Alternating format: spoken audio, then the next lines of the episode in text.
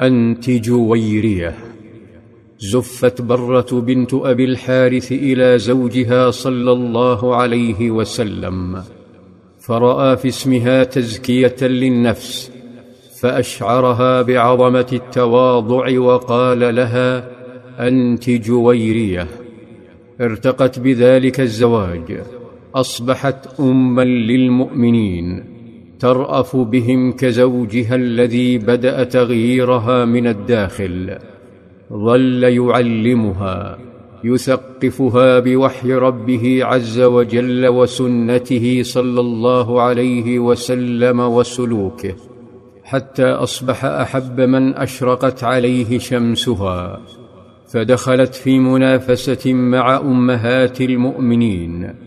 ليس بالثراء والمباهاه وكثرة الحلي وامتلاك الأراضي بل بالتسابق في مضمار طويل نحو الجنة حلقت في أجواء الإيمان تعرفت إلى ربها فأصبحت مناجاته أسعد أوقاتها بل تنسيها أوقاتها. ذات يوم خرج صلى الله عليه وسلم من عندها وهي تصلي الفجر فلم يعد صلى الله عليه وسلم إلا في الضحى. فلما دخل عليها وجدها تناجي حبيبها سبحانه وتعالى.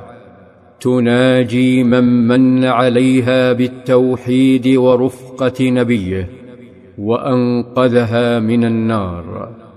فسألها صلى الله عليه وسلم لم تزالي في مصلاك منذ خرجت؟ فقالت نعم. فقال محرضا إياها على انتقاء الكلمات في مناجاة الحبيب. لقد قلت بعدك أربع كلمات ثلاث مرات لو وزنت بما قلت منذ اليوم. لوزنتهن. سبحان الله وبحمده عدد خلقه ورضا نفسه وزنة عرشه ومداد كلماته. ودخل عليها يوم جمعة وهي صائمة فاستغرب صيامها فقال أصمت أمس؟ يعني الخميس؟ قالت لا. قال تريدين أن تصومي غدا؟ يعني السبت؟ قالت لا. قال فأفطري. فصيام يوم الجمعة مكروه لوحده حيث قال صلى الله عليه وسلم لا يصومن أحدكم يوم الجمعة إلا يوما قبله أو بعده. فارق كبير تعيشه جويرية مقارنة بالبؤس الذي كانت تعيشه مع أصنامها.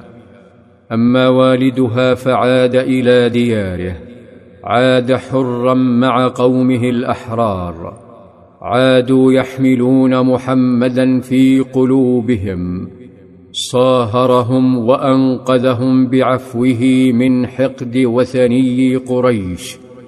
الذين يريدون توريط الجزيرة كلها معهم فأصبحت قبيلة بني المصطلق من القبائل الصديقة للدولة الإسلامية هدأت الأمور معهم لكن أمورا أخرى بدأت تثور بدأت إشاعة ابن سلول تنتشر.